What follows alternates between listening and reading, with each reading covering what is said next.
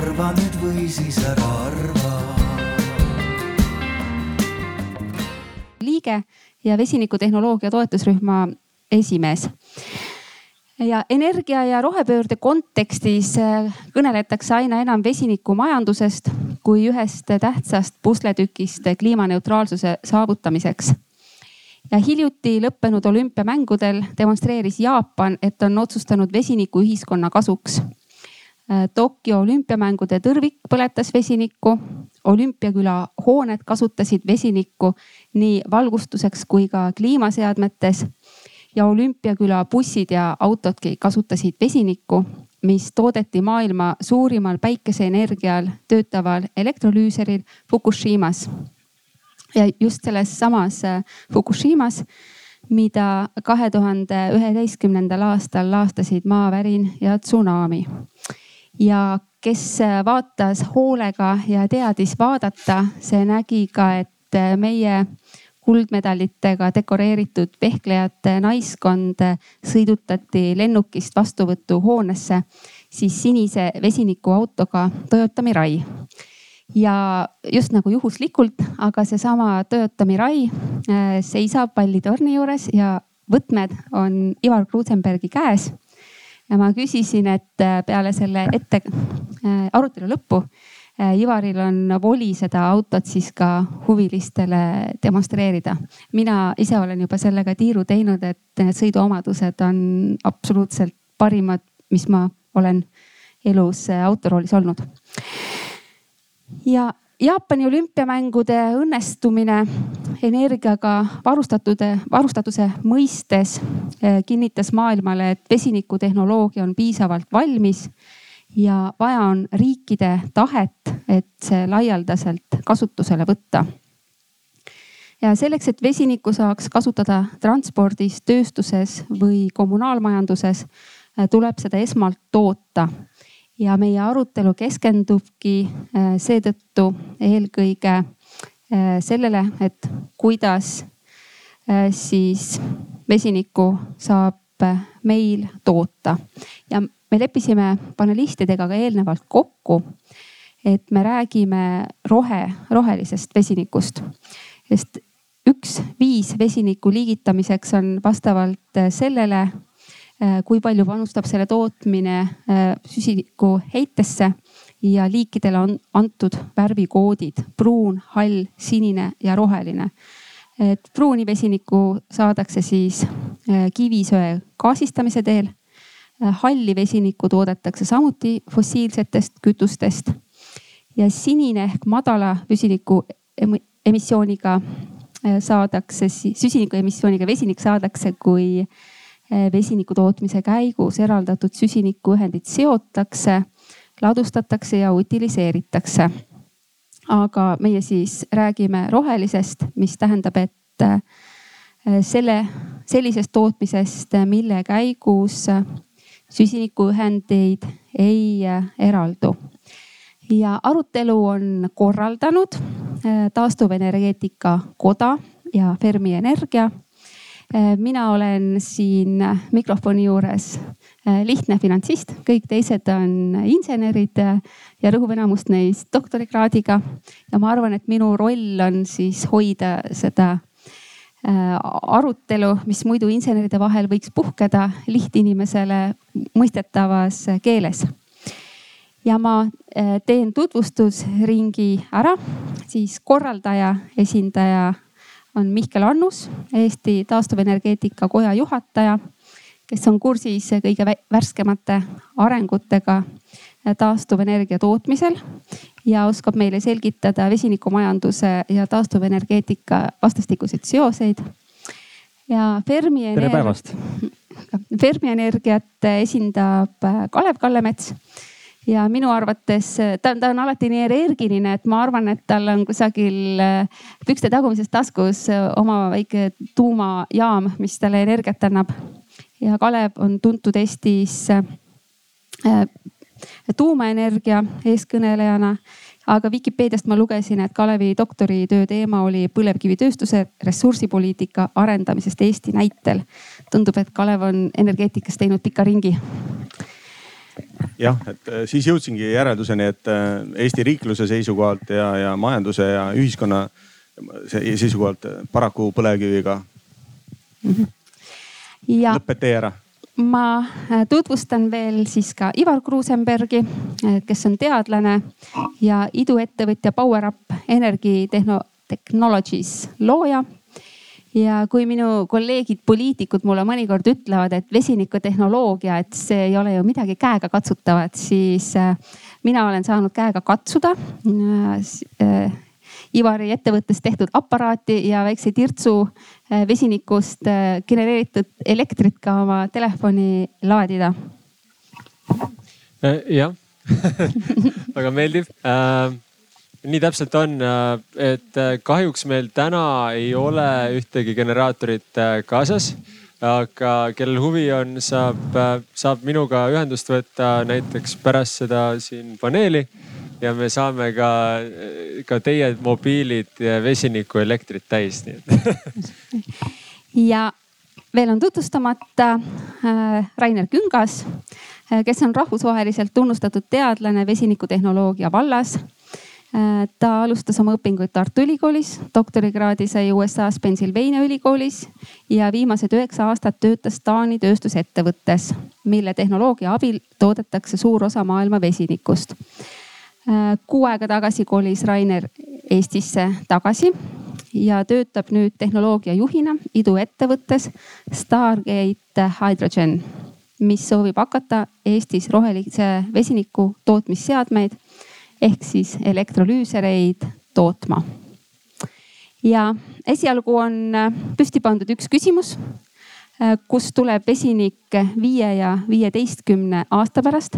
aga julgustan ka teid, hea publik, äh, siin arutelu käigus andma mulle märku ja küsima täiendavaid ja võib-olla enim detailidesse minevaid küsimusi ja kuna osalejad on äh, tutvustatud, siis asume selle kriitilise küsimuse puremise juurde.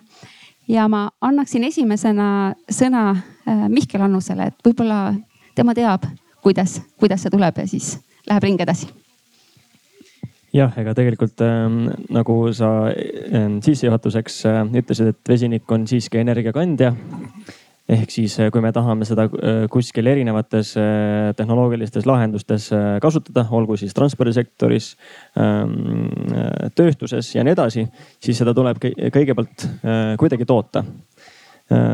täna toodetakse enamik vesinikust fossiilsetest allikatest kuid äh, ma kujutan ette, et meil on siin ka laval konsensus äh, ja see konsensus on ka nii-öelda poliitikute üleselt olemas ka, ka erinevates Euroopa Liidu mm, pakettides, et vesinik peab olema tulevikus roheline, põhinema taastuvatel energiaallikatel, vähese süsinikuga energial. kust see viie või viieteist aasta pärast tuleb? Äh, loomulikult äh, mina enda positsioonilt ütlen, et see tuleb eelkõige taastuvenergeetikast.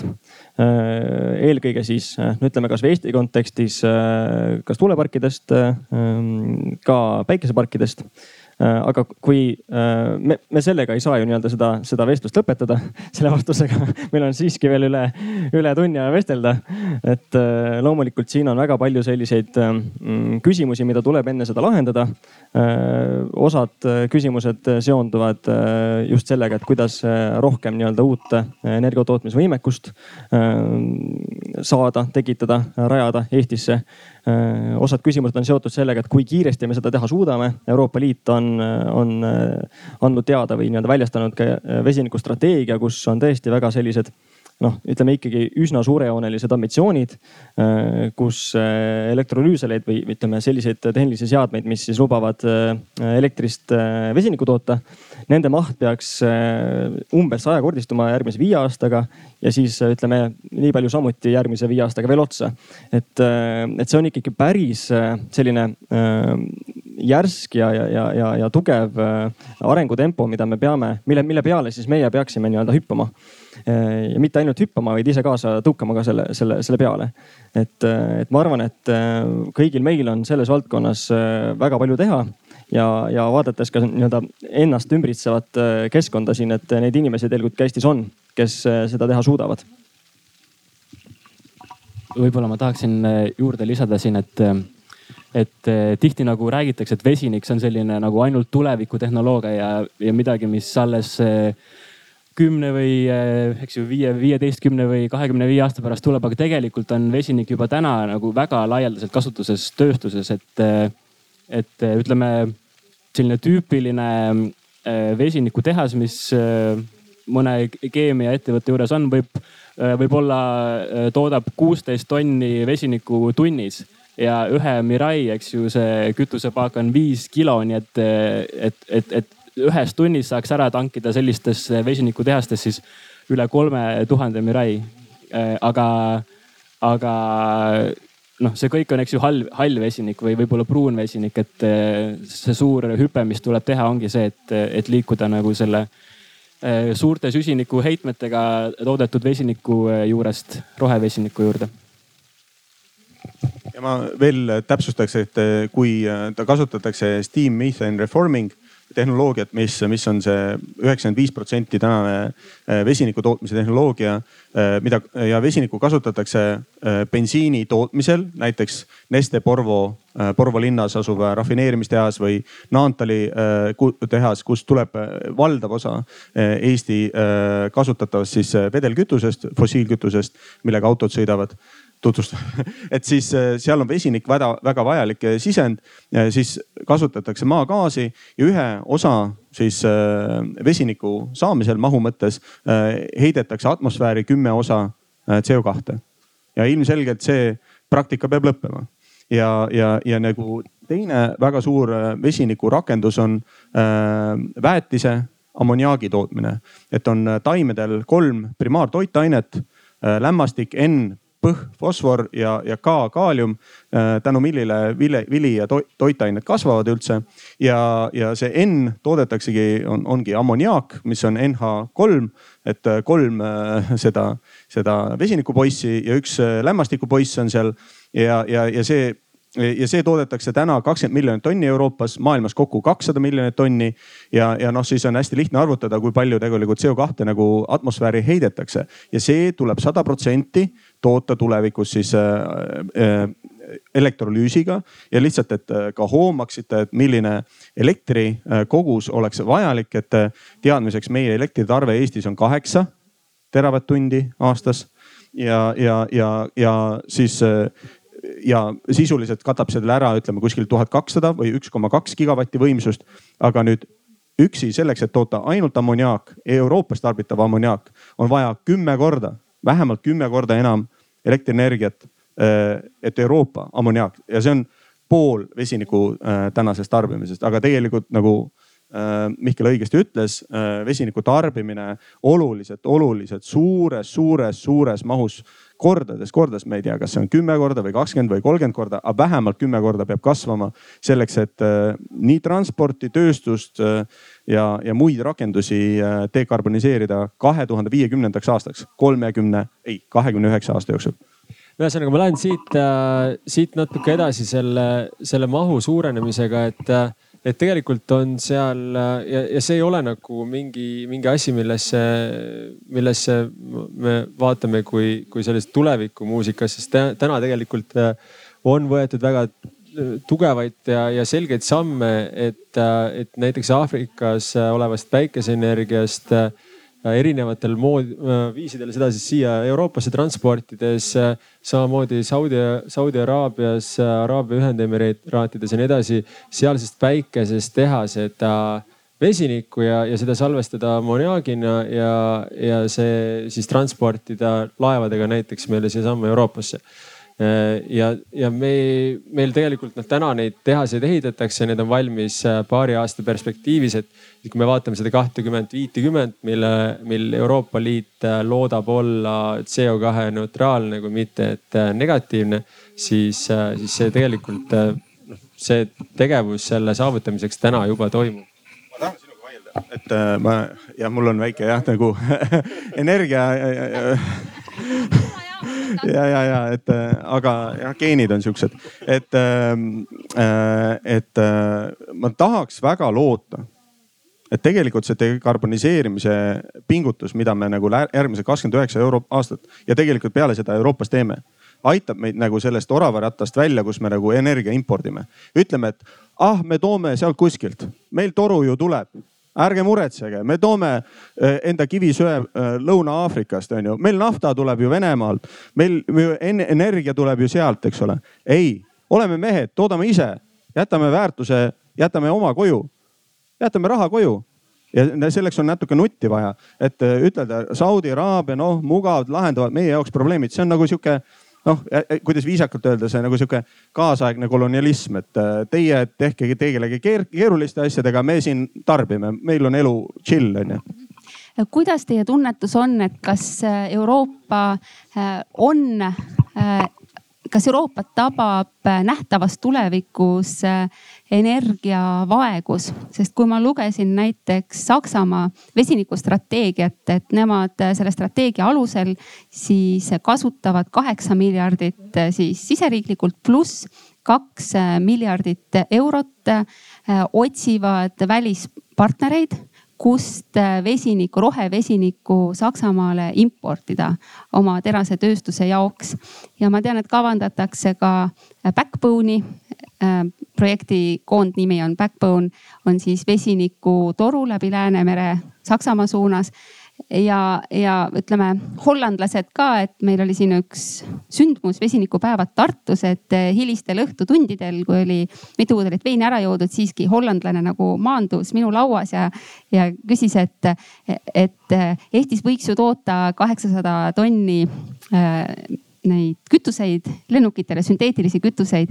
Ja sellest ma nagu tajun, et Kesk-Euroopas, Holland, Belgia, Saksamaa et nad nagu näevad äh, väga suurt defitsiiti äh, roheenergiast lähitulevikus, et kas teie tunnetused, teadmised on samad? ja, need tunnetused on, on tõepoolest samad ja tegelikult äh, see veidikene haakub sellega, mida Ivar ennist rääkis, et tegelikult ega sarnased tootmisklastrid, tootmise ja tarbimise klastrid ja, ja tootmise sellised nii-öelda ähm, tuumad tekivad sinna, kus on äh, toot, odav toota, ehk siis elekter on odav. sellepärast võib-olla sa ka nii-öelda Saudi Araabiat äh, ja, ja, ja Põhja-Aafrikat äh, mainisidki. niisamuti on tegelikult nii-öelda piisavalt mugav ka meile Läänemeres, kus on meil palju, piisavalt palju tuuleressurssi kasutada, see, potentsiaal ka realiseerida ja sa mainisid nii-öelda backbone'i või seda nii-öelda äh, selgroogu. see selgroog siis tegelikult ta võiks koosneda kahest osast, et esiteks äh, siis nii-öelda ähm, elektrikaablid äh, ja niisamuti ka gaasitorud, ehk siis seal võiks voolata eelkõige siis mingisugune selline piisavalt roheline gaas, mitte maagaas et loomulikult on mingisugused, tekivad regioonid, kus Äh, energiat äh, kas mitte on üleliias, aga kus toodetakse seda piisavalt odava hinnaga ning on sellised äh, regioonid, kus seda, seda, see tarbimine, tarbimisnõudlus on piisavalt suur. ehk siis loomulikult Kesk-Euroopa, kus asustustihedus on suur, kus, kus on ka arenenud tööstusettevõtted. Ähm, seal kindlasti tarbimine on täna suur, jätkuvalt ka tulevikus suur. Läänemere regioonis me oleme harjunud sellega, et meil on, ütleme elektrienergiat loomulikult tänu ka Skandinaaviale, eks ole on ähm, üsna, üsna mugavalt. aga loomulikult seda, seda tulevikus, kus äh, elektrifitseerimine on pigem süvenev trend. ehk siis äh, lisaks äh, elektrimajandusele elektrifitseeritakse ka, ka transpordisektorit, ka soojusmajandust, eks ole. et meie elektrinõud-, nõudlus või tarbimine või me too-, me nii-öelda tarbime energiat rohkem elektrina tänasest rohkem et äh, kõik sellised trendid saavad äh, baseeruda sellel, et me kuskilt seda elektrit toodame ja, ja, ja loomulikult meie regioon ehk siis Baltimaad, Eesti, äh, meil on üsna hea nii-öelda olemasolev ähm, ressurss olemas, et realiseerida meie nii-öelda taastuvenergia potentsiaal. ma siin eelkõige mainin tuuleenergiat nii, nii maa, nii maismaal kui ka merel. ma tahaks ka lisada siin, et et eh, võib-olla nagu selgitada veel kord, et miks meil seda vesinikku nii palju hakkab vaja minema, et eh, nagu, ehm, nagu sa väga õigesti mainisid, siis, siis esimene variant peab alati olema see, et kui saab elektrifitseerida, siis tuleks elektrifitseerida, et eh, ütleme nagu, ehm, eks ju jalgrattad ja mingisugused kõikvõimalikud seadmed, mis täna töötavad kas diisliga, võiks nagu panna elektri peale. siis näiteks need sõiduautod, millest, millest palju räägitakse, et mis juba sõidavad, eks ju, elektriga ja, ja on ka vesinikuautod. see on selline, ütleme piiripealne valdkond, kus, kus vesinik nagu võib olla hea mõte, aga, aga tingimata ei, ei pruugi olla hea mõte. ja siis mida raskemaks läheb see nii-öelda see mass, mis tuleb vedada, seda, seda mõistlikumaks muutub selle vesiniku tootmine ehk et ühesõnaga rongid ja laevad ja ütleme, praamid ja, ja sellised sõiduvahendid, veoautod Äh, seal on juba vesinikul, ütleme eelis sellepärast, et tal on kõrgem energiatihedus. aga, aga ühesõnaga, see on ainult üks äh, aspekt kõige suurem see vesiniku äh, tarbimine ja tootmine tuleb ikkagi sellepärast, et, et, et meil on vaja ka tulevikus ütleme tsementi ja terast ja väetist ja, ja need, need on protsessid, kus täna tekib meeletus koguses CO2. palju, palju rohkem kui transpordis, nii et sellele peab tegelikult nagu tähelepanu pöörama. süsinikintensiivne äh, protsess on äh, täpselt terase tootmine on ju ja nagu me jätkuvalt autod on terasest mikrofon käes, siin on teras, see struktuur on äh, teras, majades kasutame terast, ehituses on väga suur äh, terasarmatuurid, et kuidagi nagu selleta on, on kaunis raske. ja noh, meie Ferminergia üks värskem osanik on Vattenfall AB, kes siis on äh, käivitanud koos LKP-ga, mis on ka riigi, riigi, Rootsi riigile kuuluv ettevõte, hübriid nimelise ettevõte, et vesinikuga toota terast ja nende plaan, Rootsis on kaks ettevõtet, kes siis kahe tuhande kolmekümnendaks aastaks äh, sooda, äh, eesmärk on äh, Rootsi terasetööstus täielikult vesiniku peale, selle hübriidprotsessi peale viia, et saada nagu süsinik ilma kivisütt kasutamata kvaliteetset redutseeritud terast. ja viiskümmend viis teravatt-tundi on see prognoositav tarbimise maht Põhja-Rootsis see on Botnia lahe põhjapiirkonnas, mis täna on suur elektrieksportija ja, ja nemad näevad, et neil tekib elektridefitsiit. okei okay?, viiskümmend viis teravatti, see on kaks Baltikumi kokku nagu põhimõtteliselt, hästi lihtsalt võttes ja kaks Baltikumi, mitte Eestit. Eesti on kaheksa, Baltikum kokku täna on kakskümmend kaheksa.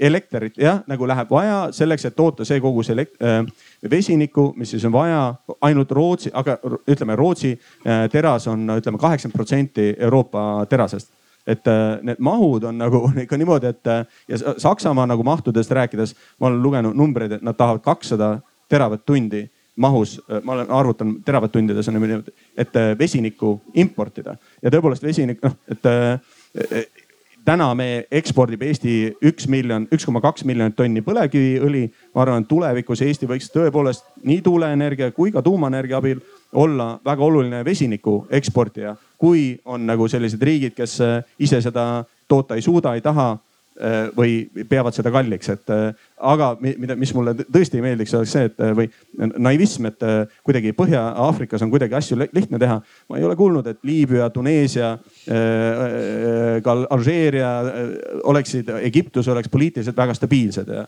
et ja noh, kui Araabia, väga soovin neile jõudu, et nad kogu enda, enda elektritarbimise gaasilt ja nafta põletamiselt dekarboniseeriks ja noh, siis võiks hakata rääkima nagu, et hakkame sealt importima. sest muidu on nagu see üks termin kasutatakse ka rohepesu moodi. et, äh, et siin tuleb igavesti nüanssidesse äh, süübida no ma tegelikult siinkohal mainiks ära, et Eesti on üks hea näide, meil on äh, tegelikult ju tugev elektridefitsiit täna. ma arvan, et kui me isegi paigaldame kõik need tuulepargid, mis on planeeritud Liivi lahte on planeeritud Hiiumaa ranniku äärde, kuhu iganes. me ei suuda sellises mahus äh, elektrit toota. et, äh, et jah, just nimelt see et ilmselt, äh, et me peame vaatama just nimelt teiste alternatiivide poole ka, mis, mis tõesti, ma tean, väga paljudele vastumeelt, aga, aga see tuumaenergia on üks alternatiive. et jah, aga, aga sellest ilmselt räägime ei ole mina õige inimene rääkima. aga, aga jah, et see on kindlasti äh, probleem, me ei ole Euroopas täna suutelised, ükskõik kui me, kui palju me ka tahame, me ei ole suuteline, suutelised kõike seda vesinikku tootma ja kui me isegi oleks, siis selle hind ei ole konkurentsivõimeline selle vesinikuga, mis tehakse näiteks äh, Ladina-Ameerikas. seetõttu täna äh, Argentiina, Tšiili äh,, Ladina-Ameerika riigid üleüldises plaanis on strateegilised partnerid Euroopa Liidu jaoks, kes vesinikku on valmis siia näiteks roheammoniaagina transportima ja, ja, ja see hea näide on ka näiteks Jaapan, kes on Austraaliaga teinud äh, erinevate ettevõtetega lepingud ja täna on neile majanduslikult äh, otstarbekas seda vesinikku, kas ammoniaagi või, või vedela vesinikuna transportida Austraaliast äh, Jaapanisse, sest et äh, neil ka see defitsiit on niivõrd suur, energiadefitsiit, et neil ei ole võimalik seda teha. Ja lisaks ma mainin siin ära meie kalli naabri äh,, idanaabri kes on aru saanud äh, täna sellest, et meil, meil on äh, Euroopas tõsine energiadefitsiit, äh, kui mitte kõikides riikides täna, siis tulevikus kindlasti. ja, ja sealne Rosneft ja Lukoil avavad väga hoogsalt vesinikutahaseid, et, et selle Nord Streami kaudu mitte võib-olla ainult seda maagaasi siia transportida Euroopasse, vaid ka, ka vesinikku tuua, nii et see on kindlasti mul, ma kasutan juhust, et äh, mikrofon on praegu lahti Ivaril ja ma tean, et Ivari need seadmed, PowerUp seadmed on sellised väikesed seadmed, mida saab kasutada äh, jahtides ja matkaautodes. aga äh, ütleme, meil on tihti jutuks haju või hajus energia tootmine, kõik need Äh, päikesepaneelidest äh, katusel või Roofiti katusematerjal, mis on juba peale kleebitud, see päikesepatarei. et kas äh, sa nüüd niimoodi mikrotarbimise jaoks seadmete tootjana näed seda, et meil on kõigil need päikesepaneelid katusel ja ütleme, täna me saame generaatori sinu käest osta. aga kas me saame ühel päeval osta ka sellise elektrolüüseri nagu külmkapi, et äh, katuselt tuleb vool ja elektrolüüser ja siis vastavalt läheb sinna kütteselementi? no selle peaks tegelikult siia Rainerile kohe adresseerima, et kas, kas tuleb, et, äh, et sest, et elektrolüüseri äh, ehitamine on nende töö. aga, aga ma, ma ausalt öeldes tegelikult ütleks, et, et mu, mina küll näen ja ma unistan siiralt, et, et kõikidel majadel tulevikus, sest meie laiuskraad võimaldab väga hästi elektrit toota päikese eest, et, et kõigil majadel on äh, päiksepaneelid küljes. Ja nii nagu Rainer ennem ütles, otstarbekas on tegelikult see elekter koheselt ära tarbida, mitte sellest äh, vesinikku teha. Et, äh, et see tuleb kindlasti kõne alla võib-olla nendes majapidamistes, kus ei ole võimalik ennast võrku äh, näiteks panna, liita ja, ja seal tõesti saaks selle vesiniku salvestada, et seda tarbida siis talvel või pimedal ajal, kui ei ole, kui ei ole seda elektrienergiat piisavalt. aga, aga see on kindlasti üks suund, kuhu, kuhu minnakse. me täna vaatame seda aktiivselt ja väga paljud kliendid küsivad, kas teil on olemas äh, elektrolüüser, mida saaks päikesepaneelide külge panna, ma tahan oma vesinikku ise toota et see on kindlasti üks äh, suund, kuhu ka liigutakse eramajapidamised ja just need, mis on võib-olla väga kaugel tsivilisa-, nii-öelda tsivilisatsioonist. Äh, äh, need kindlasti tulevikus hakkavad tootma oma vesinikku ise, et see on kindlasti. ja võib-olla üks selline turg või näide, kus see esimesena, ma arvan, tuleb, on just niisugused väikesaared, kus on niimoodi, et võib-olla on väga head isegi tuule ja päikse tingimused seal olemas aga siis, kui juhtumisi ei tuul ei puhu ega päike ei paista, siis on vaja tööle panna mingi gaasi või, või diiselgeneraator. et ehm, sellistes kohtades on tegelikult ehm, vesinik juba tihti noh, praegu peaaegu konkurentsivõimeline, et et ja mitmel pool Euroopas tegelikult demonstreeritakse seda ka, et seal Šotimaal on Orkney saared vist on nagu üsna äh, nullemissiooniga kogu, kogu majanduse püsti pannud, et suur osa energiast tuleb tuulest ja päikesest, aga, aga siis, kui on ähm, äh, elektri puudujääk, siis saab seda teha äh, vesiniku abil ma ütlen ära kõigile, kõik küsivad alati, tahavad teada, palju see maksab. me tegime selle arvutuse, palju see maksab. Keskmine majapidamine tarbib neli kilovatti tunnis. sest see on see maksi-, maksimaalne nii-öelda, mis on vaja elektripliidi käitamiseks ja nii edasi ja nii edasi, külmik töötaks nelja kilovatise süsteemi väljaehitamine, kus on päikesepaneelid, kus on elektrolüüser, on, on pump, on, on need balloonid, kus vesinik salvestada ja kus on kütuselemendid, maksab täna meil suurusjärgus sada tuhat eurot. Ma arvan, et, et me peaksime tulema selle hinnas alla kuskil vähema, vähemalt kolm-neli korda, et see muutuks võib-olla ratsionaalseks, et, et liitumine võib olla kümme kuni kolmkümmend tuhat, et endiselt kaabli vedamine täna on odavam ja mõistlikum kui sellise süsteemi ehitamine. von der Leyen ütles, et seitsekümmend kaks miljardit lähiaastatel subsideeritakse Äh, transporti ehk siis süsinikuheiteta äh, busside, autode ostu, et kas võiks olla idee, et hakatakse subsideerima ka hoonete äh, siis süsinikuheiteta energiaga varustamise pealeviimist sarnastel alustel kui autosid? absoluutselt, et äh, ma juhiks tähelepanu sellele Fit for viiskümmend viis paketile, et äh, ma olen tänulik meie elektritööstusliidule, kus me oleme Fermi Energia liige ja saadeti kogu see pakett laiali nagu eesti keeles nagu need, see oli kolmteist algatust on ju ja siis ma loen, noh, mulle, ma tavaliselt ikka loen peenkirja ka läbi. ja see väga huvitav nagu punkte, mida noh pisikene sihuke, aga et, et täna on kohustus riigil viiskümmend protsenti protsenti see CO2 müüdava, müüdavast tulust allokeerida siis äh, äh süsinikheitme vähendamise meetmetesse ja viiskümmend protsenti läheb riigieelarvesse lihtsalt. ja siis üks väike, punkt on seal niimoodi, et, et, et tulevikus peaks olema sada protsenti. nii, mis tähendab, et kui meil täna on CO2 hind on viiskümmend viis ja ütleme, Eesti riik noh müüb nelikümmend, neliteist miljonit aastas on ju, siis kiire mata, hopla päris mitu, mitukümmend miljonit on ju. ja kui kujutame nüüd ette, et see hind on tulevikus äh, sada ja siis äh, ja, ja me müüme äh, neliteist, no siis on juba täitsa raha ja see on see raha, mida võiks panna absoluutselt mitmetesse, mitmetesse vesinikualgatustesse, dekarboniseerimisalgatustesse. seda raha on päris äh, mehe moodi ja üks asi, mis ma tahaks veel öelda, et mis sa rääkisid sellest hinnast ja, ja ökonoomikast. üks asi, milles ma rohelistega olen täiesti nõus.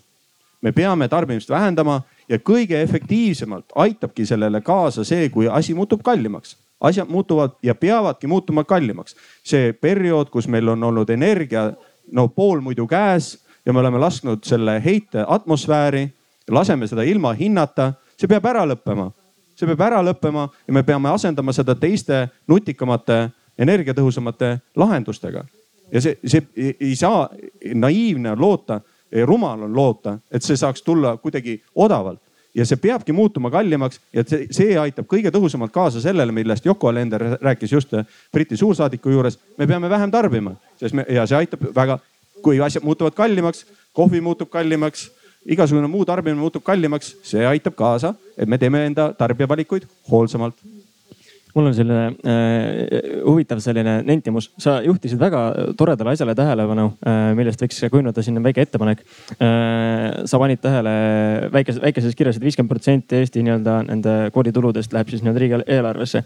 kas sa tead ka seda, et mitmes Euroopa Liidu riigi, riigis on see tavaline või pigem on see eripärane? kõik, kõik, see on ühtne regulatsioon, et kõikjal läheb viiskümmend protsenti läheb otse üldeelarvesse ja viiskümmend protsenti on siis, äh, peab olema nõukoguga või tähendab komisjoniga kooskõlastatud seatud äh, äh, sihtotstarbe. see on miinimumtase, aga enamik riik, liikmesriike suunab kogu selle, kogu, kogu Aha. selle, selle summa okay. äh, nii-öelda kliima, e, kliima positiivseteks tegevusteks.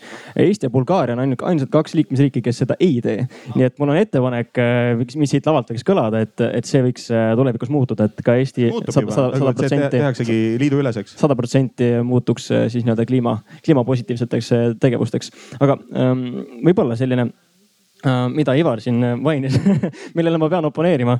juba, juba see oli viis minutit tagasi, aga, aga ma lasin teil ka rääkida natukene. Äh, et, et sa mainisid, et, et justkui, et olemasolevad plaanid siin tuuleparkideks, tuuleparkide rajamiseks ei kata siis Eesti energiavajadust. ma arvan, et see on nii-öelda palju alahinnatud, et pigem on seda, seda, seda ressurssi, seda, seda mahtu, neid plaane on tegelikult rohkem, kui Eestil nii-öelda ise vaja oleks. pigem seda ekspordi mahtu on, on tegelikult korralikult ei saa öelda, et üle, aga seda on. et äh, tuuleenergia assotsiatsiooni kodulehelt leiate väga-väga hõlpsad sellised äh, tabelid äh, kus on kirjas mitu, mitu gigavatt, mitu gigavatti meretuuleparke on arenduses ja neid peaks olema ähm, kolmteist koma midagi, mis on, ütleme Eesti suuruse riigi kohta ikkagi praegu päris märkimisväärne. kindlasti täpselt, täpselt, et see on ikkagi metsik, tegelikult no mitte metsik, ei tasu selliseid sõnu öelda, aga ta on ikkagi päris märkimisväärne. aga nüüd ähm, võib-olla seda äh, paneeliga nii-öelda ette valmistades äh, ja seda, seda teemat ka nii-öelda idee, ideekorrisse sisestades äh, hakkasin mõtlema, et kas vesinikust sellises mahus, sellisel moel on Arvamusfestivalil vale, varem räägitud või, või kas ta on noh, võib-olla, võib-olla eelmine aasta, üle-eelmine aasta võib-olla keegi, keegi nii-öelda kommentaarina nagu, nagu, nagu oli, oli olemas. aga tegelikult sellises mahus vesinikust ei ole juttu olnud.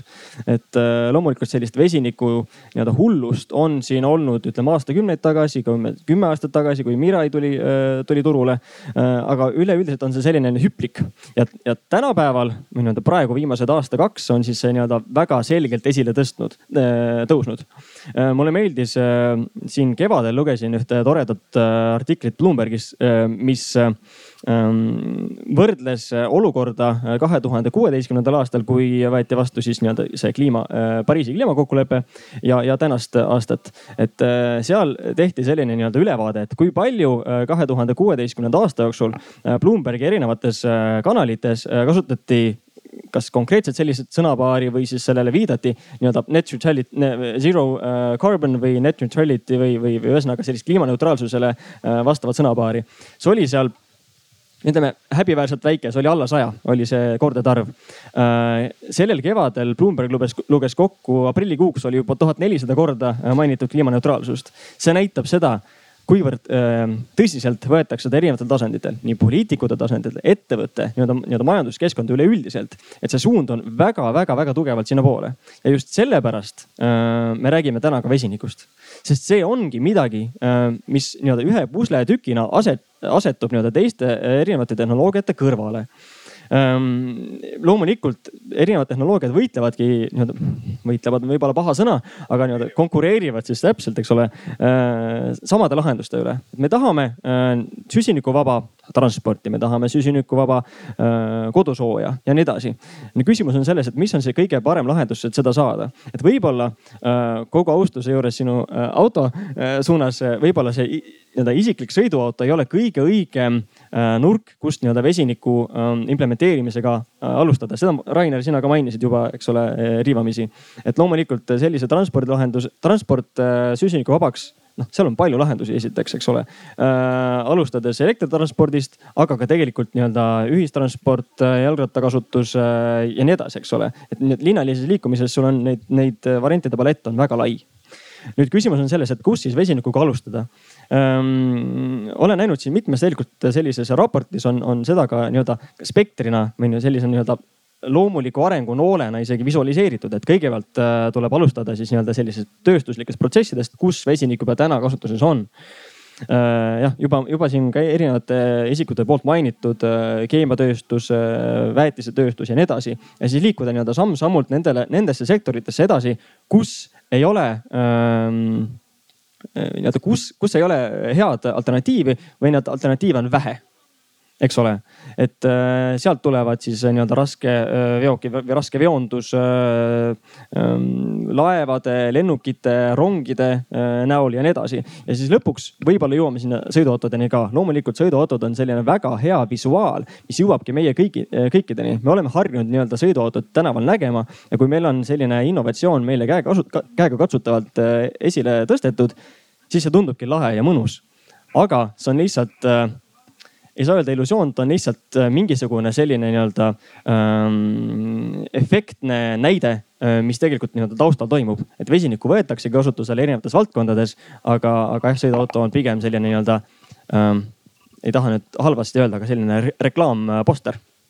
ma tahan siin ka lisada, et, et need on minu meelest väga õiged mõtted, aga mis ma võib-olla tasuks siia juurde lisada, on see, et et eh, nüüd, kus on, eks ju, see vesiniku sõiduauto on olemas, siis neid samu tegelikult sedasama tehnoloogiat, seda, neid samu kütuseelemendi pakke, neid saab kasutada nagu nendes kohtades, kus ütleme, see võib-olla niimoodi makroökonoomiliselt on see vesiniku kasutamine veelgi mõttekam, et ütleme eh, paned neid pakke rohkem, saad võib-olla veoautod eh, käima panna või võib-olla disainid natuke väiksema, nagu eks ju Ivar teeb ja siis saad kasutada seda sellises kohas, kus kus ei, ei ole nagu pistikupesa läheduses, et, et, et nagu on, sul on vaja seda energiat kaua aega ja seal, seal on nagu vesinik hea lahendus, et, et nendel vesinikuautodel on minu meelest nagu täitsa oma koht olemas.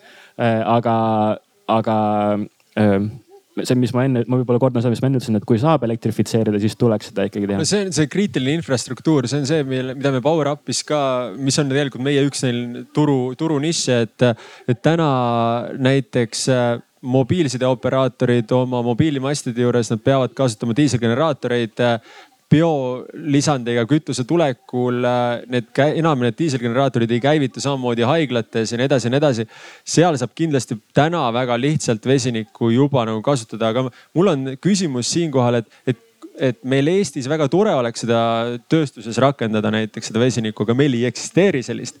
et kui me küsime täna Silmeti äh, tehnoloogiajuhtidelt ka, et näiteks, et kas me saaksime vesinikku kasutada, siis nad ütlevad, et ei, me, vesinikust ei ole huvitatud, meil on oma protsessid, mis on nii hästi sisse töötatud viimase kuuekümne, seitsmekümne aasta jooksul.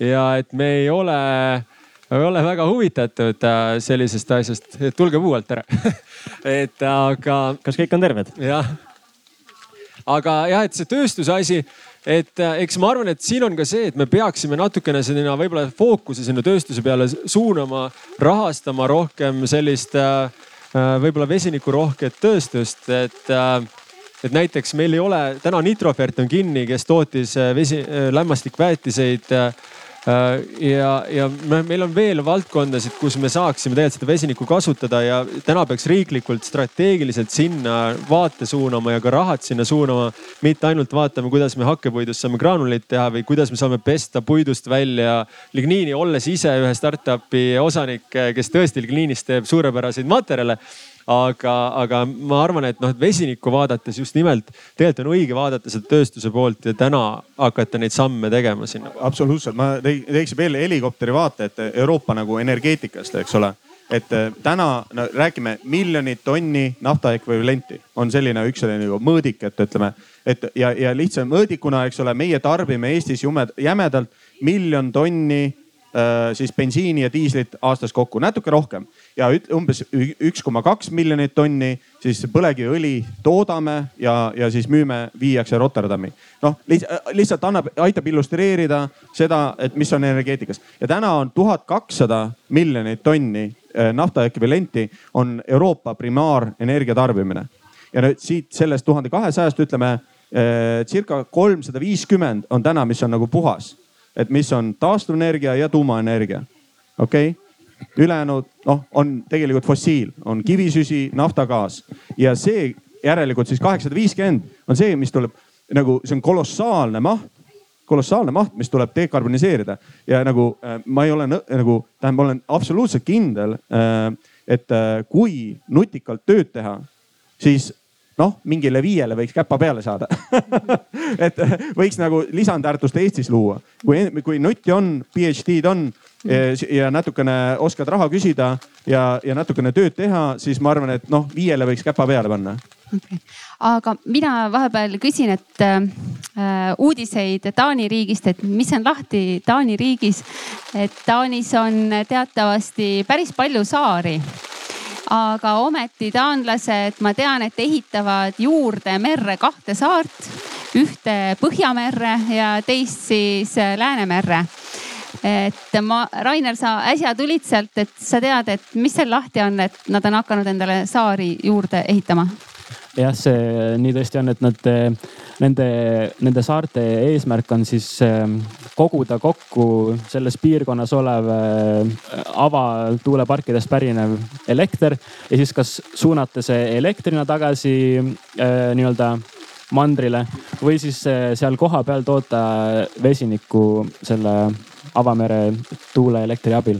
et ähm, ja seda siis kas samuti nagu, kas siis äh, transportida kas vesinikuna või võib-olla mingisuguse vesiniku ähm, ühendiga nagu, nagu ammoniak või, või mõni vedelkütus. ja ähm, aga sellega seoses ma tahtsin ühte asja veel mainida, mis oli see, et, et, et Eestis justkui nagu ei oleks kuskil seda vesinikku vaja. et tegelikult, kui vaadata nagu natuke pikemas perspektiivis, siis üks äh, valdkond, kus saab seda vesinikku kasutada, on igasuguste sünteetiliste kütuste tootmine. mis ma mõtlen, kui ma ütlen sünteetiline kütus, see on siis see, mis, kus võetakse vesi, tehakse temast kõigepealt vesinik ja pannakse siis see vesinik reageerima CO2-ga ja saadakse siis ütleme vedelkütus tagasi, mida saab süsinikuneutraalselt äh, automootoris või kuskil, kus on seda nagu äh, hädasti vaja, võib-olla lennukites, eks ju, äh, kasutada ja üks asi, mis on nagu huvitav, on see, et sellises protsessiks on tegelikult äh, äh, eks ju vaja CO2, et CO2 on meil liiga palju üleüldises plaanis, aga puhast CO2 on tegelikult väga vähe. Ja Eestis on nagu päris palju siukseid huvitavaid äh, puhtad CO2 allikaid nagu mingisugused, ütleme äh, õlletehased või mingisugune äh, või ütleme need puidutöötlemistehased, kus tuleb tõesti nagu jääkproduktina täiesti puhas CO2, et kui nagu äh, sinna juurde midagi teha vesinikuga, siis see oleks väga äge ja, ja nagu seda tuleks tegelikult kasutada, et, et ma nagu sellega ei ole nõus, et meil ei ole nagu üldse potentsiaali. kui, kui natuke niimoodi avara pilguga ringi vaadates tegelikult saaks, saaks teha ägedaid asju. kuidas sa limonaadi sisse mulli saad siis tegelikult, ei, tegelikult on, see, mina olen Raineriga nõus, et, et meil on täna CO2 intensiivset äh, tööstust üpris, üpris palju, kust seda CO2 saaks ära kasutada. see puhas on küsimus nüüd, kui puhas ta on. ja seetõttu äh, noh te,, palju demoniseeritakse seda, seda maagaasist tehtud vesinikku aga samamoodi täna on meil väga palju tehnoloogiaid, kus on võimalik seda CO2 mitte lihtsalt pesta roheliseks, äh, seda tehnoloogiat, äh, vaid, vaid reaalselt seda rakendada kas kütuse tootmiseks või, või teha sellest äh, süsiniku nanomaterjale või teha sellest näiteks ravimitööstuse mingit tooret. Nii nagu Haldor Tops nagu Ra Rainer on ilmselt selle tehnoloogiaga väga hästi kursis, teeb, et, et noh, et me me ei peaks kas siin seda võib-olla täiesti nagu äh, tõesti demoniseerima, meil ei ole mõtet Eestis ilmselt hakata täna Vene maagaasist äh, vesinikku tegema, see on kohe kindel.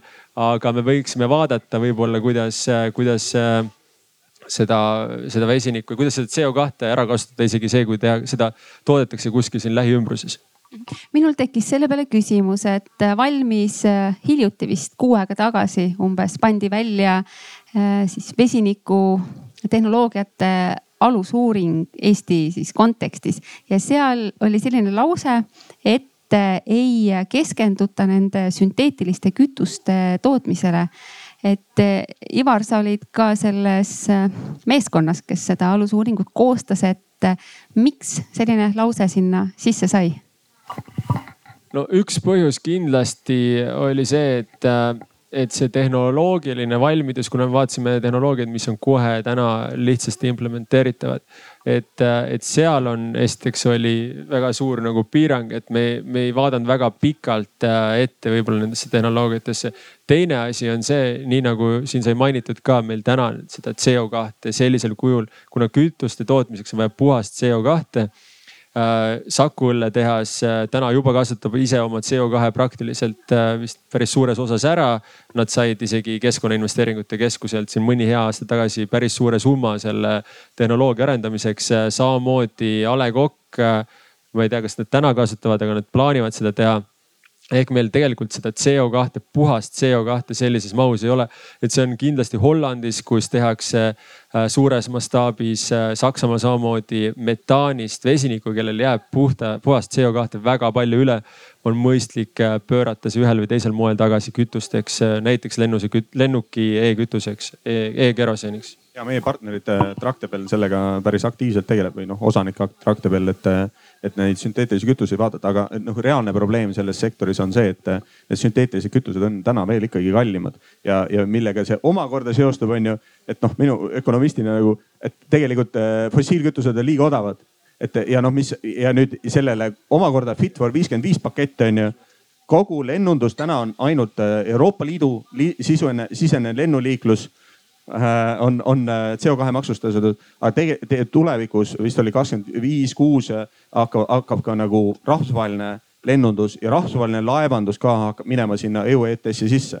ja, ja siis me peame süsinikku mitte ainult elektri tootmises, vaid kõikides, kõikides eluvaldkondades peame CO2, sest, sest nagu kärpima, sest me, mida me näeme, need tulekahjud, need üleujutused, need lähevad iga aasta hullemaks ja noh, ja, ja mida ma mõtlen, iga aasta on tegelikult iga kümnend, iga järgmine kümnend, kui mina olen vana inimene, palju vanem kui täna, minu laps on äh, vanem, siis on kindlasti minu laps, kui mina saan vanaisaks, siis kindlasti on kõik kurat, elu on palju rängem nii põllumajanduse mõttes, metsanduse mõttes, kõik need, igatahes suur pahandus on sellest, sellest äh, kliimamuutusest tulemas, kui, kui vaadata need, neid IPCC nagu, mis see nädal avaldati.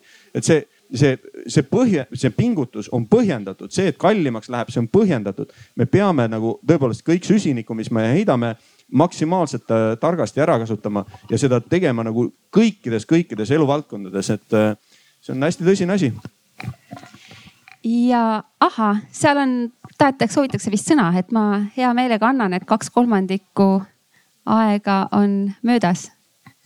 sa tahad mikrofoni? tuleb võtta minu oma korraks uh,. Ta, Tarini, are you here somewhere no.? kas kellelgi teisel on vahepeal tekkinud küsimusi? jah. Äh, ja kaks küsimust järjekorras saab küll Äh, tervist, Martin Küüsmaa, HK Scan Estonia, et äh, selline küsimus, et Eestis teatavasti siin viimasel ajal on ju propageeritud biometaani tootmist. Ja mina olen küll ka lihtne finantsist, aga nii palju, kui ma aru saan, siis üks võimalus on biomassist ka vesinikku toota. et milline oleks teie arvamus sellest, kas sellel asjal on Eestis potentsiaali majanduslikus mõttes ja selles mõttes, et kas see on nagu mõistlik asi, mida teha biometaani asemel? Äh, kas ma sain õigesti aru, et kas äh, Eestis on mõistlik biometaani esiteks toota ja kas äh, biometaanist on siis mõistlik ka vesinikku toota omakorda? Ehm, jah, äh, lühike, lühike vastus on jah, loomulikult biometaani on mõistlik toota. Äh, biometaani, no millest toodetakse bio, kõigepealt biogaasi ja siis rikastatakse see biometaaniks, eks ole. biogaas on äh, täiesti loomulik nii-öelda, üsna loomulik kõdu, kõdunemise produkt, seda lihtsalt tehakse anaeroobses keskkonnas, see tähendab, et hapnikku ligi ei pääse. ja seda tehakse siis paljude erinevate jäätmete, jäätmetega, ka näiteks põllumajanduslike jäätmetega ehk siis äh, erinevad nii-öelda loomsed jäätmed ähm,. sitt, sitt, tohutus koguses sitta tekib äh, sõnnikutel. läga on selle nimi jah, jah. no sõnnikute ütleme, mitte ainult lehmadel, sigadel kõik pudulojused äh, tekitavad kohust-, mina, mina olen kolhoosi aseesimehe poeg. me oleme käinud laudas sõnnikut tõmbamas kell viis hommikul päev päeva järel onju, Palivere ja meil sõpruse näidiskolhoos on ju. et äh, ja seda kõik meie äh, Euroopa sõnnik tulevikus tuleb toota biomet-, äh, biometaaniks ja see mõistlikult ära kasutada. kõik sitast tuleb teha nagu saia. kvaliteetset asja, saia, sellepärast et muidu me laseme selle metaani atmosfääri ja nüüd lugeme seda IPCC raportit.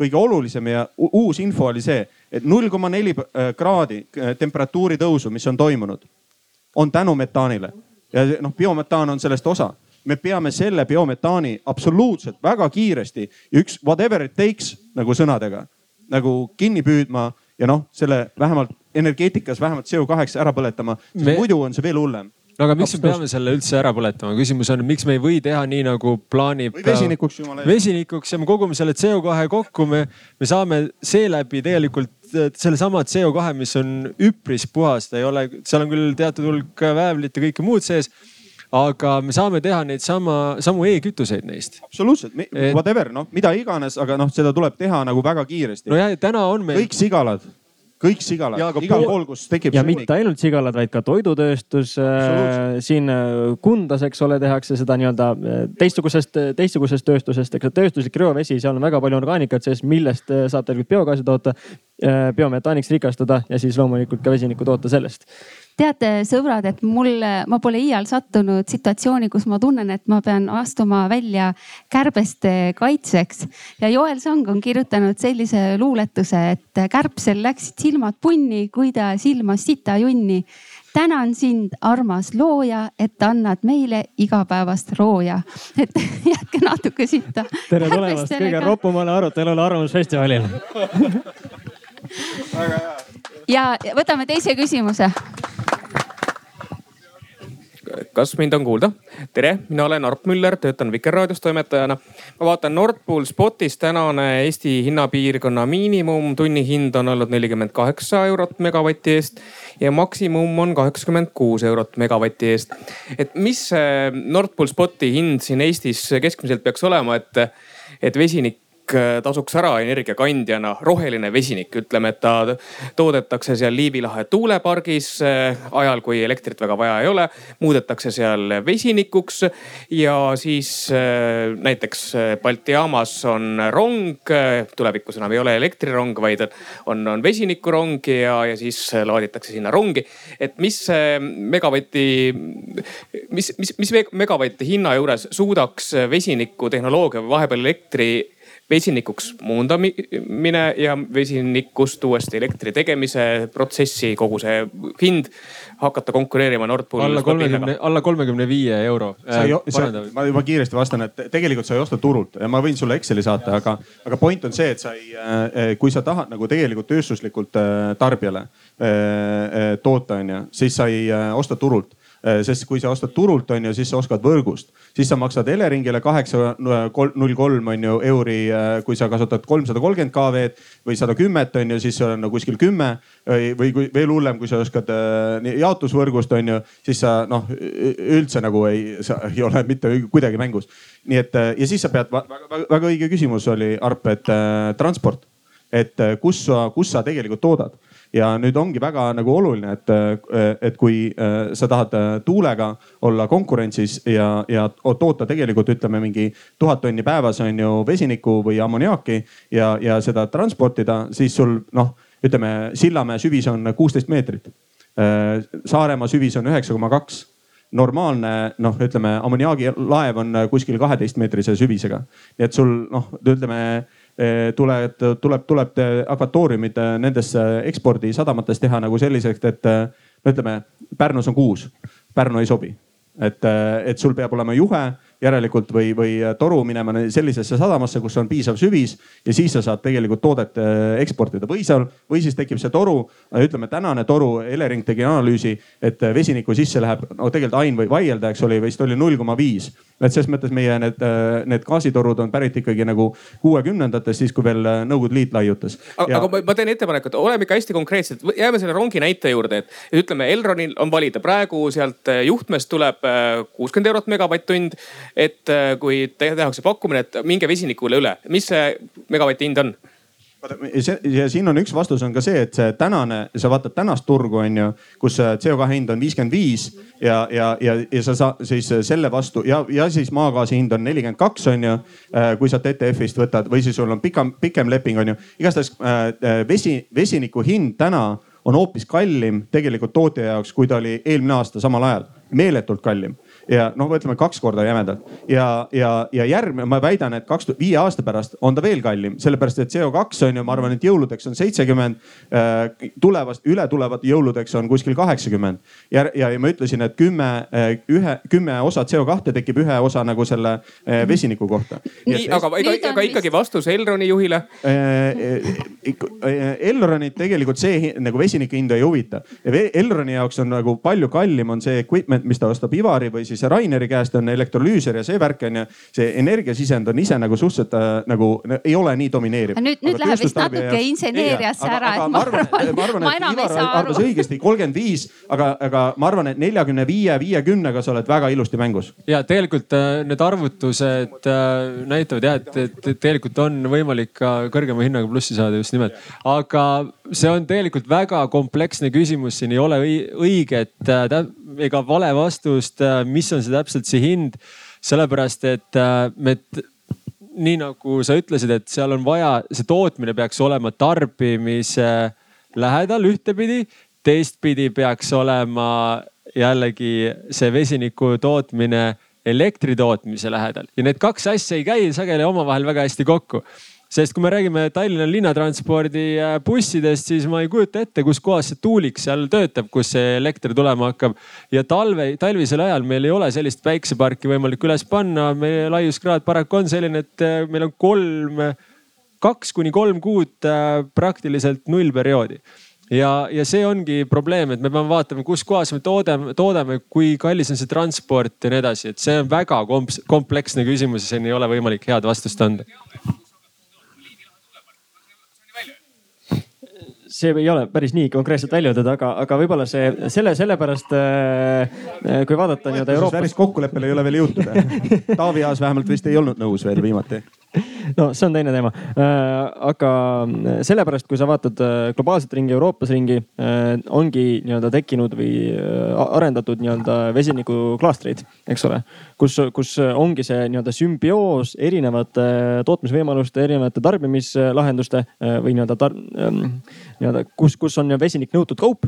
et need on kõik enam-vähem ühes nii-öelda regiooni või täitsa pisikesse maa, pisikesele maa-alale kokku toodud. ehk siis seal tekivad kõik need esialgsed sümbioosid ja selle nii-öelda, mida edasi, mida tehnoloogia edasi areneb, seda, seda odavamaks ka, ka lähevad elektrolüüserid äh, ja muud lahendused, eks ole, et sealt sellistest nendest klastritest äh, kasvavad välja mingisugused äh, uued lahendused ja selle Elron rongi, rongide siis juhatuse esimees tasuks sirvida ka seda vesinikuuuringut, et see loomulikult ei ütle seda hinda, vaid annab erinevate komponentide hindadele hinnangu, et midagi võib seal teada saada, aga täpset vastust ei ole.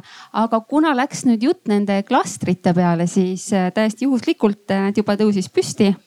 et äh, Eestis on moodustatud ja arendamisel Eesti vesinikuklaster, et võib-olla Sven Parkel, sa räägid mõne sõna sellest klastrit, mis nüüd just õhku tõusis teema ja, ja aitäh, et äh, just, just väga õige point, et, äh, et kui me vaatame äh, kui on see küsimus, et kust hakkab vesinik tulema, eks ole, siis, siis ütleme klastri poolt me näemegi, et selleks on vaja kokku tuua nii tootmine kui tarbimine, kuna Eesti mõõtmes või Eestis meil ei ole hetkel skaleeritavat vesiniku tarbimist.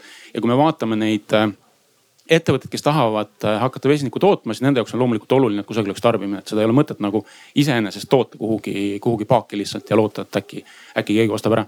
et sellepärast äh, klastrina me tegelemegi terviklahenduste kokkutoomisega, need on hetkel regionaalsed, näiteks Tartu terviklahendus on väga aktiivne, kus siis äh, ühel pool on Estiko, kes tahab hakata vesinikku tootma ja teisele poole toome siis kokku võimalikud tarbijad. sarnane terviklahendus on siis Tallinnas, Ida-Virumaal, Ida-Virumaal kokku toodud ja, ja selle, selle asja mõte ongi, et, et tegelikult siin mitu korda on käinud läbi ja nagu Ivar ka näiteks Vikerraadios hommikul ütles, et tuleb üles leida need õiged kasutajajuhud.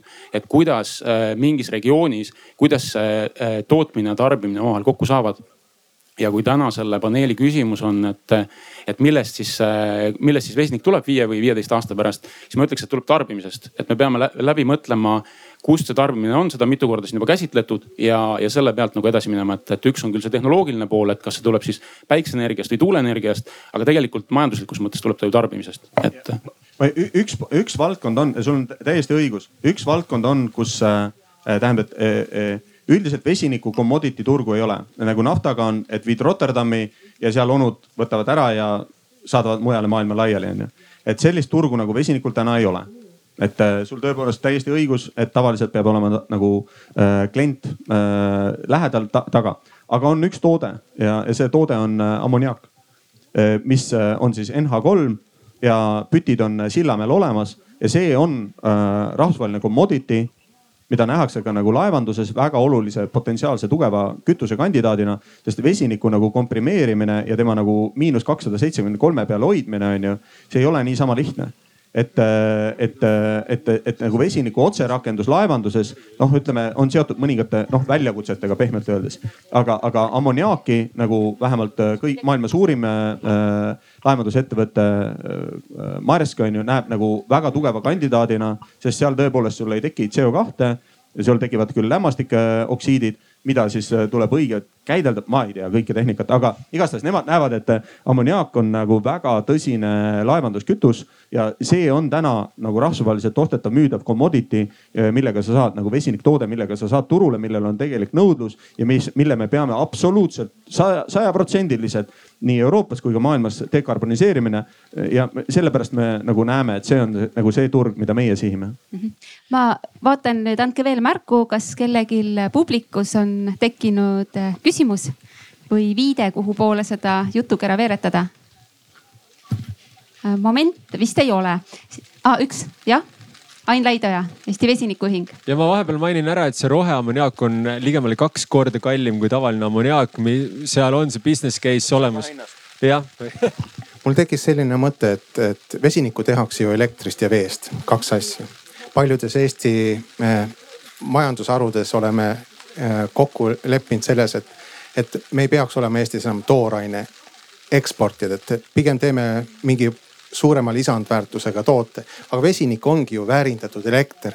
nii et ma siis nagu küsikski teie käest, et, et mis te arvate, et, et Mihkel just mainis, et Eestil on planeeritud meretuuleparke kolmteist gigavatti äh, arendusi teha, et kas me peaksime siis jääma tooraine elektri eksportijaks või peaksime arendama vesinikku ja kõrgema lisandväärtusega äh, produkti tulevikus eksportima?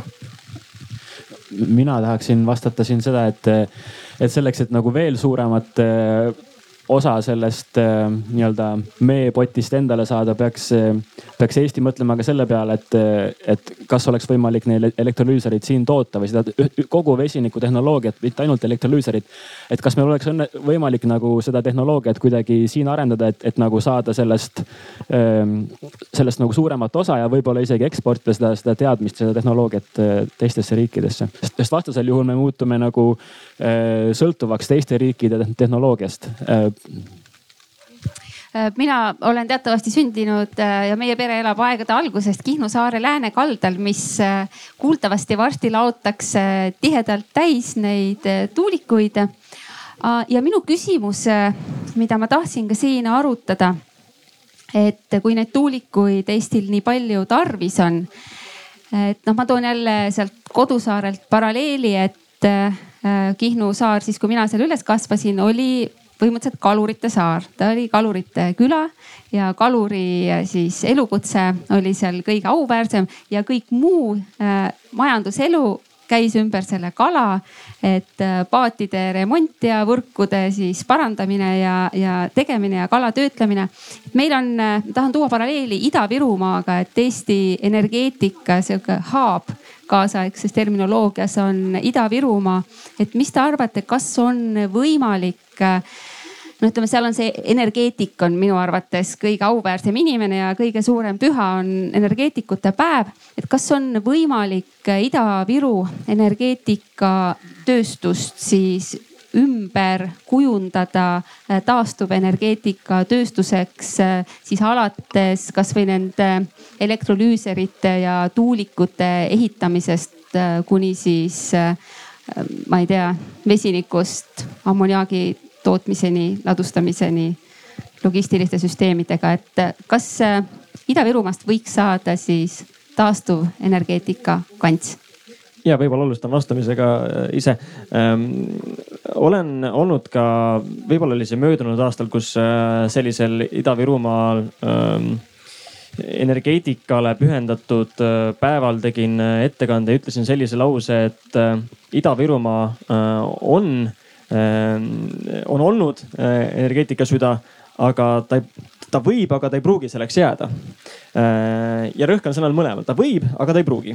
ehk siis ehm, on kindel, et noh, taastuvenergia, mis on eelkõige ikkagi tuleviku energeetika selline nii-öelda vundament, ta on eos ikkagi hajutatud ehk siis äh, seda ei saa nii-öelda väga äh, keskselt äh, arendada. aga loomulikult ka Ida- ja Lääne-Virumaal on, on, on, on palju arendusalasid. mitte küll liiga palju, sellepärast et riigikaitselistel põhjustel liiga ligidale Venemaa piirile enam ei saa tuulikuid rajada. see on üks väga oluline selline nii-öelda ähm, piirikriteerium, eks ole. Äh, küll aga, äh, mis puudutab nii-öelda erinevate seadmete raja eh,, nii-öelda tehaste rajamist, ka kohalike inimeste ümberkoolitamist tean, et Eesti Energia on kavandamas ka sellist nii-öelda väikest pumphüdrojaama. et ütleme, selline mitmekesine energeetika võib olla Ida-Virumaa üks selliseid tulevikke, aga kindlasti ei tohiks olla see nii-öelda ainult energeetikal põhinev äh, regionaalne tulevik, vaid äh, ma arvan, et see Ida-Virumaa tuleviku võti on ikkagi majanduse mitmekesistamine.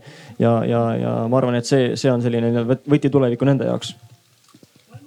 ja ma, mina olen kolm aastat olnud äh, minister Urve Palo soovil Ida-Viru tööstusalade nõukogu liige ja nõukogu esimees ja, ja nagu vahetult kokku puutunud ja ka Ida-Virumaas töötanud VKG grupis ja, ja ja, ja, ja nüüd nagu tegeledes väikereaktori arendamisega, me ka selgelt vaatame nagu Lahemaast idamaa, ida poole, et, et, et vaadates, mis, milline on energeetiline infrastruktuur elektrienergia nagu tarbijale, tarbijale jõuaks, siis, siis see on ilmselgelt tugevam just eh, Ida-Eestis. ja, ja vaadates ka nagu seda, kus, kus on nagu selline sotsiaalmajanduslik sobivus energeetika mõttes, siis eh, ilmselgelt see on nagu Ida-Virumaa. sest ka need väikereaktorid tegelikult on soojuselektrijaamad ja meie nagu Narva jaamad, mis siis toodavad põletamisega lihtsalt on teistmoodi, saadakse aurud lihtsalt teistmoodi nagu väikereaktorites.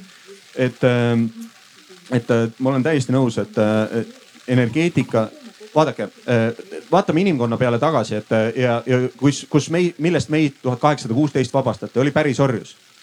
ja pärisorjad äh, olidki tegelikult energeetika. kuidas põllud ära külvati, kuidas vili kokku koguti, kuidas äh, teenindati mõisarahvast, eks ole need olidki energeetikud väiksed, energiapoisid, kes tegid tööd asja eest ära. täna on meil elektripoisid, nagu ma poistele, enda Erik Gustavile seletan, onju. elektripoisid teevad meie eest tööd, pesevad nõud ja, ja pesevad riided ja elektripoisid teevad meie eest tööd, onju ja vesinikupoisid varsti ka. et aga, aga vanasti oli noh orjad, hobused ja keda me siis äh, nüpeldasime ja, ja siis äh, atra vedasid, onju.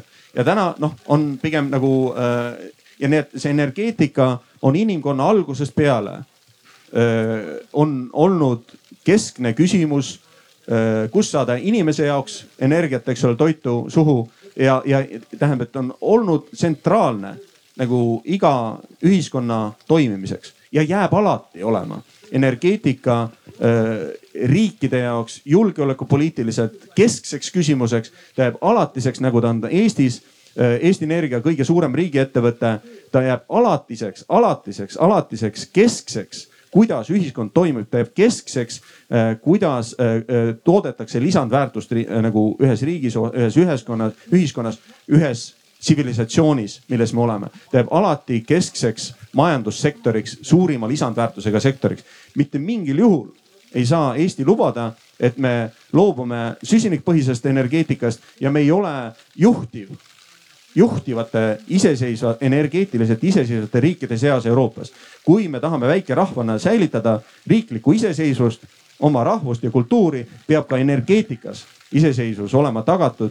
mida tugevamalt, seda paremini see muidugi kõlab juba nagu lõppsõna moodi, aga viisteist minutit on veel aega, et kas publiku hulgas on vahepeal tekkinud mõni küsimus? Kui mina tahan oponeerida siit, kui kohe ma, ma ei ole üldse nõus. ühesõnaga, ma arvan, et mina, mina küll ei näe, et äh, kui, kui teie nüüd äh, oma tuumajaama ei hakka kohe ehitama, siis. ei äh, hakka kindlasti. et siis sinna Ida-Virumaale neid energeetikuid nüüd väga palju ei jääks, sellepärast et võib-olla need Kihnu kalurid on need, kes peavad hakkama neid tuulikuid hooldama pigem ennem, kui, kui see põlvkond energeetikuid sealt välja sureb et äh, sellepärast, et põlevkivi ei ole meil mõistlik äh, ja meil ei ole ka ilmselt vaadates praeguseid trende seda võimalik teha, ahju ajada. et äh, sellest on mõistlik teha mitte ka põlevkiviõli, vaid meil on mõistlik sellest teha peenkeemiat, mis, mis on äärmiselt, äärmiselt kõrge, kõrge lisandväärtusega ja seetõttu ma arvan, et pigem need energeetikute päevad asenduvad suurte keemikute päevadega seal Ida-Virumaal ja, ja me vaatame täna seal, kuidas äh, ümber töödelda, töödelda Ida-Virumaal äh, akusid, äh, kuidas seal teha kõike muud, mis on keemiaga seotud. kaevurid ilmselt oleks pidanud juba hakkama neid varemalt suunama, nii nagu mujal riikides, kus kaevandusäri on lõppenud, tunnelit kaevama ja ka tegema sillaplaani asemel väga konkreetse plaani, kuidas ehitada eurorahade eest äh, Saaremaa ja mandri vahele tunnel ja needsamad kaevurid sinna äh, vaikselt tööle suunama. ja selles sul on täiesti õigus, et äh, aga ma lihtsalt valgustan ka, et nagu Ida-Viru reaalsust on ju, et siis kui me riigi üle võtsime üheksakümmend üks on ju eestlased, siis, siis seal oli kakskümmend kaks tuhat inimest sektoris, täna on kuus, viis tuhat, kuus tuhat viissada, umbes nii võib-olla on nagu nüüd äh, veel, veel äh, siin kuue kuu jooksul veel vähemaks jäänud, sest elektri tootmine on tõepoolest kukkunud. kui kaks tuhat kaheksateist oli kaksteist teravatt-tundi, siis eelmine aasta oli kaks koma neli nagu põlevkivist et see ses mõttes nagu Põxit on nagu suures plaanis tegelikult äh, juba, juba juhtunud ja toimunud on ju. tõepoolest õli tootmine nagu, nagu pikemalt, aga noh, kui pikalt, ma ei tea. aga, ja, ja selles ma olen ka sinuga nõus, et nagu neid energeetikuid kõiki nagu, nagu sealt küll nagu äh, piuga võtta ei saa, et me pigem vaatame nagu neid, kes täna on neljakümne aastased ja, või nooremad ja, ja sest meil, meil tõesti läheb natukene aega selle selline menetlemise ja arutamise ja selgitamise ja mõtlemisega. üheksa korda mõõda, üks kord lõiga, lõika. ma vaatan Kalevile otsa, et kui meie riigi üle võtsime, et mina olin keskkoolis, kui riiki üle võeti, ma ei tea, kus sa olid, et sa vist minust vanem ei ole, et nojah, ma mõtlesin nagu kollektiivselt jah aga Rainer, ütle paar sõna veel nende elektrolüü-, suurte, sa ütlesid ülisuurte elektrolüüserite kohta, et kui suur on ülisuur elektrolüüser, mitu meetrit lai, kõrge? et selles mõttes, et mis asi see ülisuur elektrolüüser, mis loom ta on ähm,? no okei okay,, võib-olla nagu taustaks on see, et, et äh, esimesed sellised suured elektrolüüserid töötasid äh, aast, alates aastast tuhat üheksasada kakskümmend üheksa Norras ja, ja tegid seal äh, vesinikku, et sellest saaks teha ammoniaaki ähm,. ja see tehnoloogia on nagu tegelikult äh, laias laastus jäänud samaks, et, et üks selline elektrolüüsisüsteem, mis, äh, mis toodab umbes võib-olla seal viis megavatti või noh, kasutab ära viis megavatti elektrit selleks, et toota vesinikku. see on umbes sellise äh, merekonteineri suurune, nii et, nii et nagu selleks, et panna, ütleme tuhat megavatti või üks gigavatt püsti, siis on ikka see, see pindala on tegelikult päris märkimisväärne et seda, seda siis võiks nagu teha näiteks niimoodi, et pannakse või noh, arendatakse, eks ju, siis äh, selliseid variante, kus on äh, iga tuuliku juures on nagu oma elektrolüüser või siis, et elekter kogutakse äh, mitme tuuliku juurest nagu kokku mingisugusele sellisele postamendi peal seisvale väiksele elektrolüüsijaamale. aga. sisaldas veepuhastust ja komprimeerimist ka juba või? No kui on, kui on hästi suured jaamad, siis eh, seal see veepuhastus on nagu väike osa, aga sest et need, need nende, nende elektrolüüsiseadmed ise, need on, võtavad kõige rohkem ruumi. aga mida väiksem süsteem, siis seda rohkem nad niimoodi suhtelises mõttes eh, täidavad need või ruumi võtavad need eh, veepuhastused ja ja elektri muundamine õigesse, õigele pingele, õigele voolule ja, ja tegelikult ka see hilisem vesiniku puhastamine ja, ja su, nagu kõrge rõhu alla viimine, et need on, need, need, need kõik võtavad mitte ainult ruumi, aga ka energiat tegelikult. aga kas need elektrolüüserid kasutavad merevett või õhuniiskust, kondensvett? Äh, nad selleks, et vesinikku toota, siis peab olema vesi nagu äärmiselt puhas, ehk et äh, seal ei tohi olla nagu mitte ainult ütleme ka puhas merevesi ei sobi, vaid ei sobi ka nagu noh, põhimõtteliselt peab nagu destilleeritud vesi olema, mis kasutatakse. aga, aga selles mõttes sobib selleks, eh, sobib kasutamiseks ka merevesi, et selle merevee, eh, mereveest soola väljavõtmine ja selle ärapuhastamine, selle energia eh, mahukus on nagu väga väike võrreldes selle elektrolüüsienergia mahukusega, et see lisab sellele vesiniku hinnale ainult seal paar senti. et ma arvan, et ikkagi tulevikus hakatakse tegema, kui on, kui on avamere tuulepark ja seal tahetakse vesinikku teha, siis tuleb see vesi ikkagi merest kõik said targemaks, milline suur masin on suur elektrolüüser. kas vahepeal on tekkinud veel küsimusi? nii, nüüd meil on umbes kümme minutit veel jäänud aega ja kui äh, siis enam küsimusi ah,, üks küsimus on, tõusis. et täna me kaevame põlevkivi aga kui me nüüd hakkame ehitama kütuseelemente ja elektrolüüsereid, meil on vaja ka maavarasid kaevandada. mu küsimus on see, et kas me siis peame veel sügavamale maa alla minema, et need maavarad kätte saada? mul, aga mul on küsimus, et, et, et miks me peame, ega me võib-olla ei pea neid maavarasid väga suures mahus äh, kaevandama.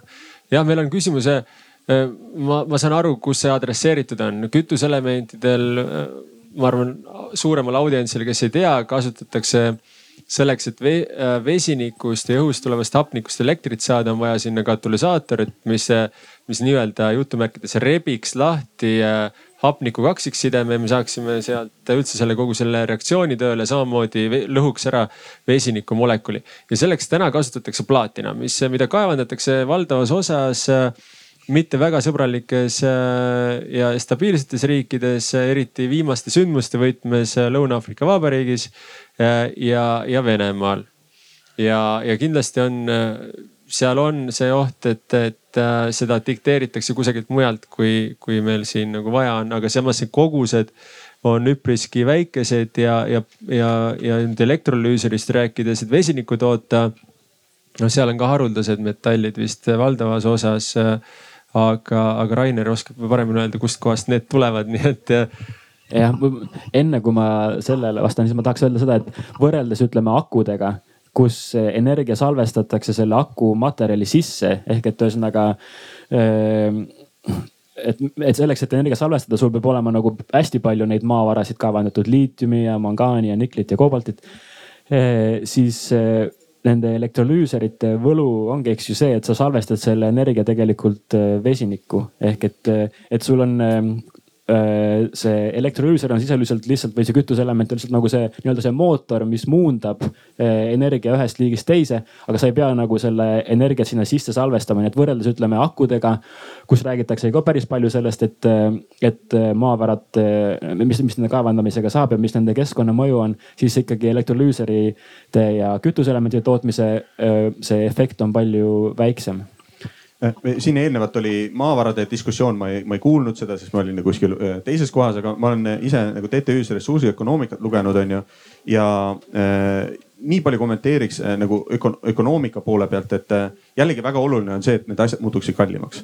et äh, siis, siis toimub seda kaevandamist vähem ja siis nagu äh, ja siis nagu see tarbimismahud ka vähenevad. et äh, ja, aga mida me, no ütleme nagu küsimus on see, me ka, ei kasuta diislit ja kütust, on ju, ja, ja maagaasi, et siis me peame nagu muid ressursse. jah, me peame muid ressursse kasutama.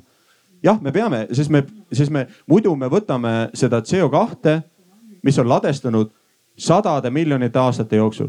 meie põlevkivi on ladestanud Ordoviitsiumis, kui oli äh, dinosaurused veel ei olnud äh, ja nelisada kaheksakümmend, nelisada kuuskümmend miljonit aastat tagasi. ja ja siis äh, kivisüsi on ladestunud kuskil kakssada miljonit aastat tagasi, maagaas kuskil ka seal sada miljonit aastat või mida Taani ammutab, on ju suurtes kogustes. see on kuskil kaheksakümmend miljonit aastat tagasi. Sa kümnete, kümnete miljonite aastate jooksul on ladestunud CO2 äh, kas siis erinevate protsesside kaudu äh, maapõue me ütle, ütleme kuidagi, see on kuidagi fine, et me nagu põletame seda kogu aeg, on ju, laseme õhku miljonite, miljardite tonnide kaupa inimkonnana. sellepärast, et A millegipärast on kaevandamine kuidagi keeruline. no come on, noh selles mõttes, et äh, see CO2, mida me täna laseme õhku, sellest tuleb aru saada. selle bioloogiline residentsusaeg, me räägime tuhandetest aastatest.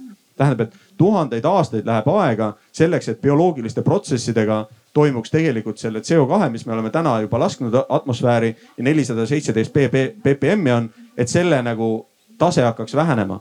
see värk, mis me oleme siin viimased sada, sada viiskümmend aastat teinud, kuulge, mis ma ütlesin.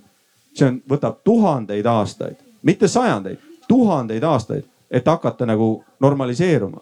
tuhandeid.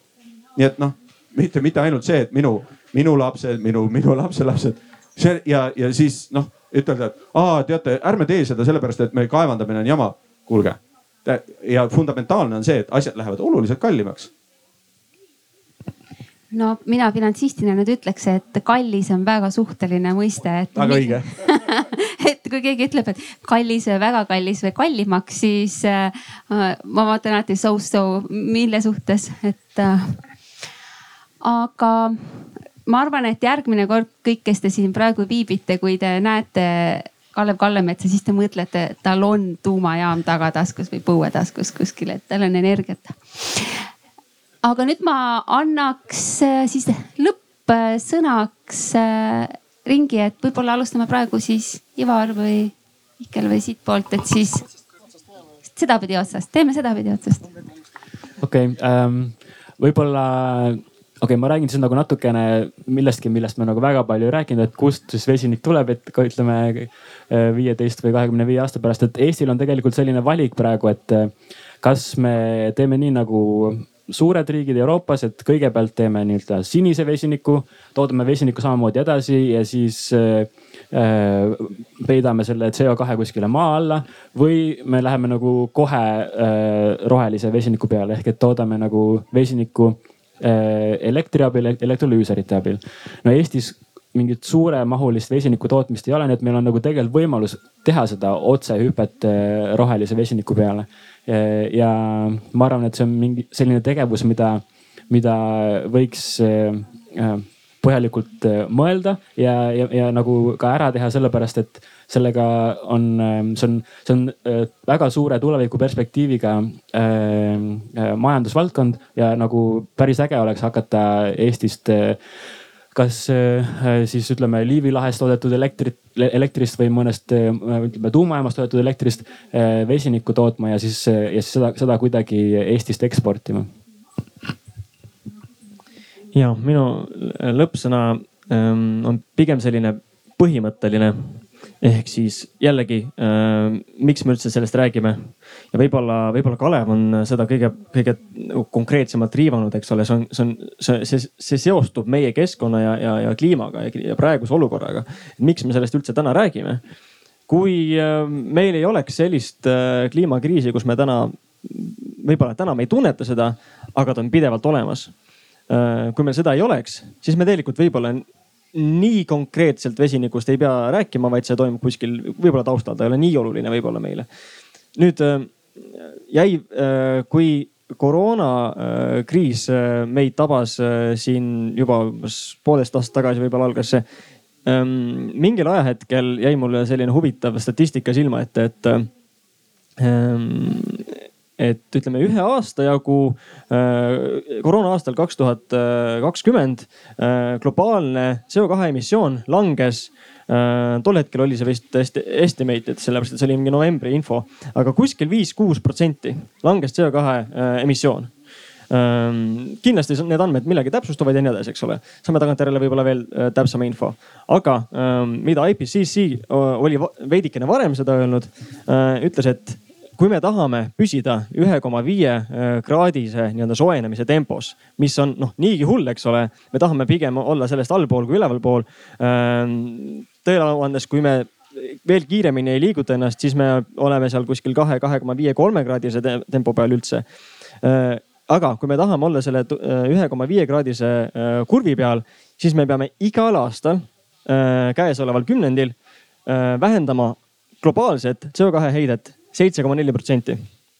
see tähendab seda, et kõik, mis kaasnes koroonakriisiga, see, kuidas äh, istusime kodudes, ei sõitnud lennukitega äh,, vähendasime oma tarbimist äh, mitme, mitmet moodi äh,. see kõik oli ainult kuskil viis, kuus protsenti, võib-olla see, see ei ole nagu nii oluline, see komakoht, aga see suurusjärk on oluline.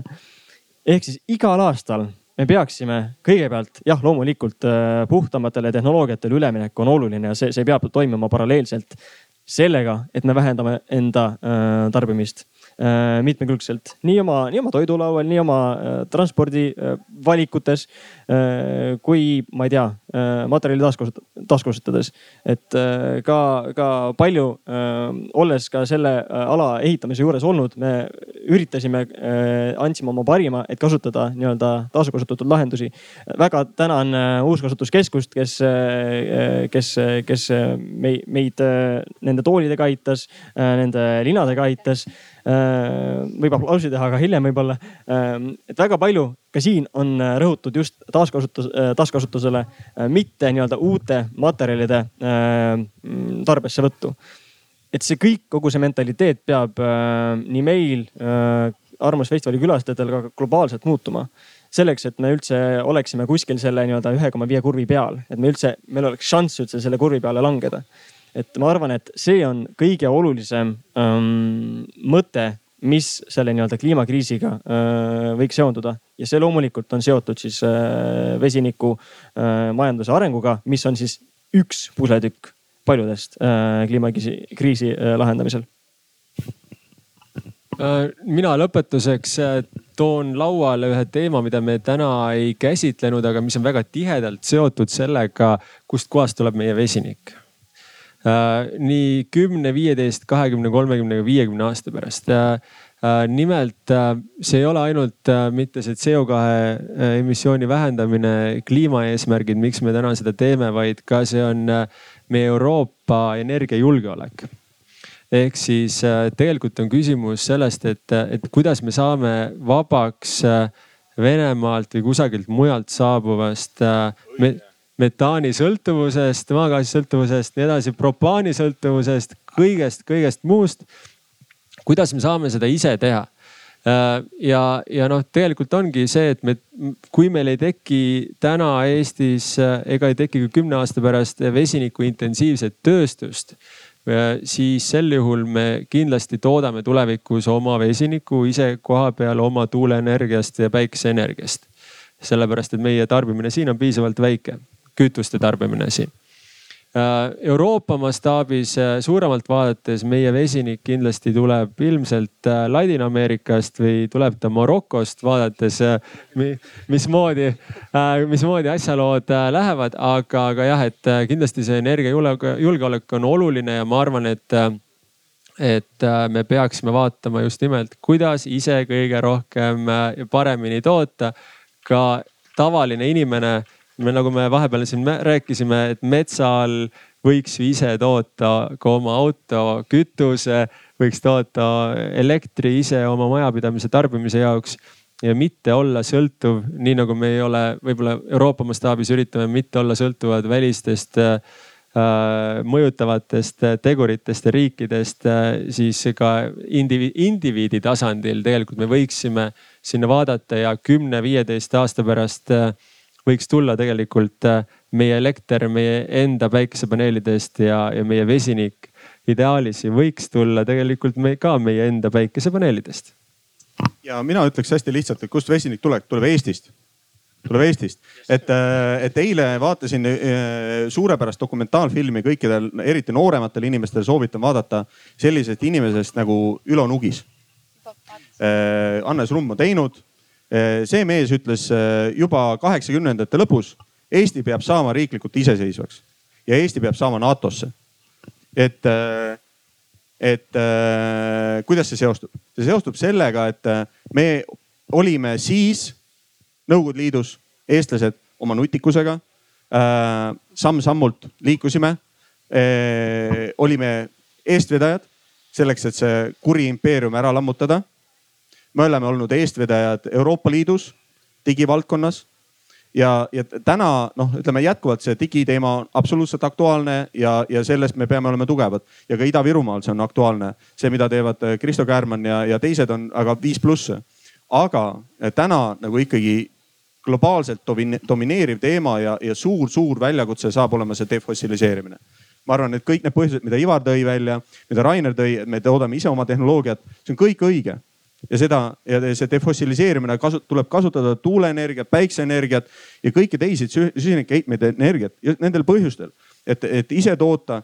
aga mina väga oluliselt rõhu, rõhutaks seda, et me Eestis ka oleksime liidrite seas ja me oleme liidrite seas äh, me selles, kui kiiresti me oleme nagu võtnud taastuvenergia kasutusele ja noh, viis aastat on nüüd ei ole tuulikuid tulnud, on ju, et äh, et äh, me oleksime tegelikult ja ma, ma siiralt usun, ja teadmise põhjalt, mis meil Fermi-Energias on äh, väikereaktorite kohta, et me oleme liidrite seas. ma arvan, et kutid tegelikult vesiniku teemal on ka tegelikult Euroopa liidrite seas, nagu Skeleton on liidrite seas. et kui meie nutikuse, ettevõtlikkusega väike, vaatamata sellele, et me oleme väiksed, meil on võimalik olla tugevad ja see on ülioluline Eesti rahvuse ja omariikluse seisukohast, et energeetikas me oleme jätkuvalt tugevad ja tegijad.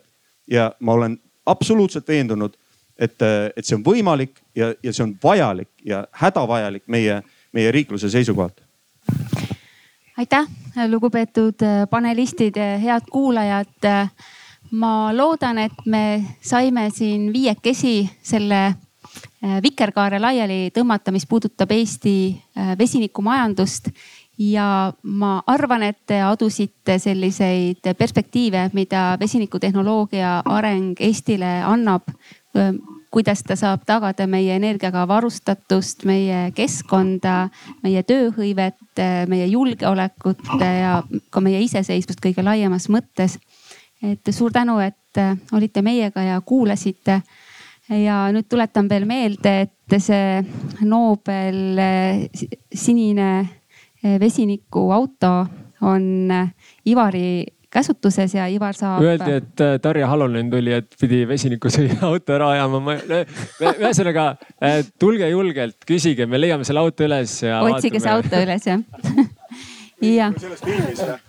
ja päris kummaline muidugi ja Sven Parkel on ka, istub siin keskel ja tõstis käe püsti, kes tahab temaga isiklikult tuttavaks saada ja küsida vesiniku klastri osas Eh, nii et minul, mina olen Anneli Akkermann, aadress anneli.akkermann at riigikogu.ee. Eh, kes tahab saada aeg-ajalt võib-olla korra kuus eh, uudiseid mõnest olulisemast vesiniku sündmusest või uudisest Eestis, et siis seal listis on umbes viissada inimest, et panen sinna veel juurde, et ma pikalt ja palju ei kirjuta, aga olulised teated annan edasi ja loodan, et leidsite inspiratsiooni ja avanesid äh, põnevad perspektiivid ja hoiame sidet. aitäh teile, nägemist.